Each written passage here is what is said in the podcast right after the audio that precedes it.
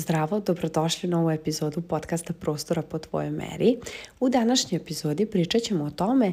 a, koji su to načini da dođete do novih ideja za objave kada vam jednostavno a, presuši ideje, kada nemate više ništa pametno na umu, kada ste kao ja. Znači, ova epizoda je nastala uh, zbog jedne moje situacije, jer sam ja već evo tri godine konstantno kreiram, kreiram, kreiram, kreiram sadržaj i jednostavno sam došla u tu fazu kada više ne znam o čemu bih pričala i jednostavno kao da sam već sve rekla, a pritom nisam sve rekla, jer dosta ljudi neće da ide i da lista ispod moje objave od pre tri godine. Znači, bukvalno treba da recikliramo sadržaj, ali ako ne znam znamo uh, kako da recikliramo taj sadržaj, evo kako da dođete do tih nekih novih ideja za objave. Uh, prva stvar jeste da pričate o temama koje vas često pitaju u DM. Odgovorite na neka najčešća postavljena pitanja. Mene često u DM na mail uh, pitaju neke konkretne stvari kako da im pomognem nešto. Naprimer, kako da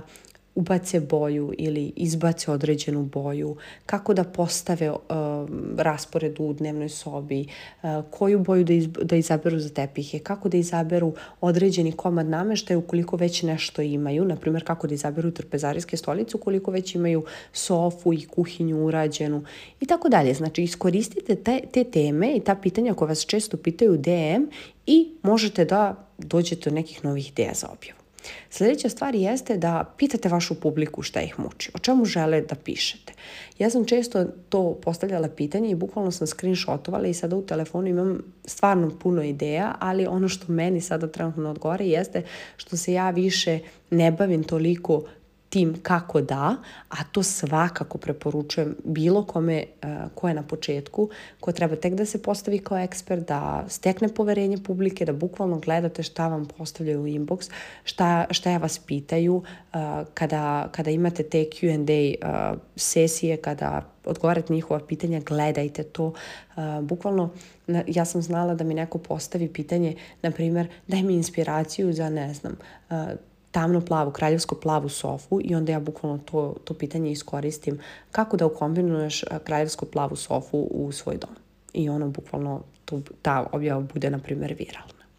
Sledeća stvar jeste da pogledate vašu statistiku, koliko ste uh, makar 100 dana objavljivali, što preporučujem svojim klijentima uvek, znači bukvalno da 100 dana objavljuju, objavljuju, objavljuju, objavljuju ko, konstantno i posle 100 dana da imaju bar neki uzorak svoje statistike koje objave su prošle, čega treba da pojačate, a šta treba u stvari da smanjite ako neka objava nije baš bila, uh, nije dobro prošla, a vi ste razmišljali da, dobro pro, da će dobro proći, dali ste puno truda i sve ostalo, vi možete u tom slučaju da tu uh, objavu reciklirate, možda format nije bio dobar, možda da promenite naslov, da dodate neki uh, lepši naslov koji će zadržati pažnju i tako dalje.